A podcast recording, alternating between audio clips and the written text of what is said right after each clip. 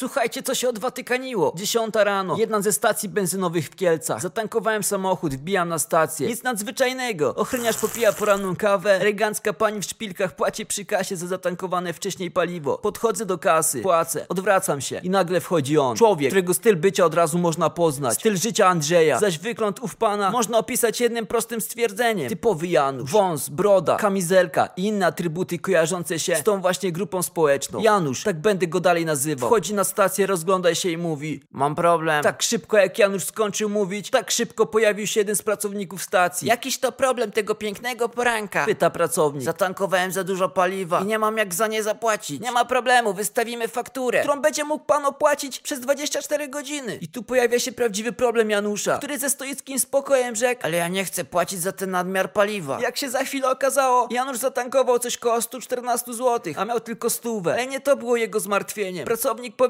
że nie ma możliwości na niezapłacenie za paliwo pobrane z dystrybutora. Wtedy mina Janusza zrzedła. Na twarzy zaczęły pojawiać się wypieki, a z ust prędkością karabina maszynowego wyrzucane były kolejne słowa. Jak to się nie da? Proszę wypompować sobie to zabrać! Mnie to nie interesuje! Krzyczy szanowny pan. Ale nawet jeśli wypompujemy benzynę, nadal będzie musiał pan za nią zapłacić. Wtedy Janusz nie wytrzymał. Popatrzył na ludzi znajdujących się na stacji i krzyknął Skurwysyny! Ja to mam co zapłacić! Nie zapłacę i chuj mi zrobicie! Zabieraj tą stówę i sam dopłać resztę! To jest firmowy samochód! Firmowe pieniądze! Nikt mi ich nigdy nie odda! Janusz jakby stanął w płomieniach. Furia porównywalna do tej, jaką zaprezentował Jerzy Janowicz po nie tak dawno przegranym meczu. Już wtedy wiedziałem, że ten dzień będzie dobrym dniem. W takim razie dzwonimy po policję! Mówi jedna z kasjerek. Zostałem poproszony o poczekanie na przyjazd radiowozu, żeby zeznać w jak skandaliczny sposób zachowywał się ten uciemiężony człowiek pracy. Ale i tak od początku wiedziałem, że nie mogę tego opuścić. Po 10, może 15 minutach przyjeżdża policja, spisuje zeznania i podchodzi do Janusza. Proszę zapłacić za benzynę, którą pan pobrał. Nie.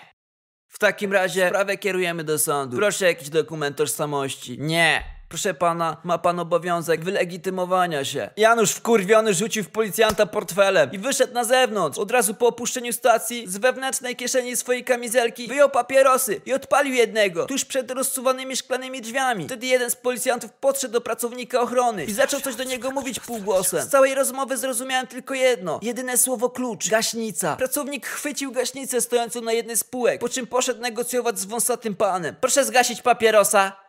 Nie! Powtarzam po raz ostatni, proszę zgasić papierosa. To jest stacja benzynowa, tu nie można palić. Nie! I to był błąd. Tego dnia Janusz przegrał z systemem. Został pokonany w tej nierównej walce. Jak tylko ostatnia litera partykuły wylała się z jego ust, pracownik stacji bez wahania odpalił gaśnicę. Jeb Janusza! Janusz nie wie co ma robić, krzyczy coś wkurwiony. Wyzywa wszystkich naokoło. Nagle proszek się skończył. Kurz bitwy opadł i stoi sam na środku placu wkurwiony Janusz. Był tak czerwony, że czerwień przebiła się przez grubą warstwę proszku gaśniczego. Tym momencie Janusz rzucił się do samochodu. Jednak szybszy był policjant, który jedną Janusza o maskę i zakuł go w kajdanki. I pomyśleć, że to wszystko o jebane 14 zł.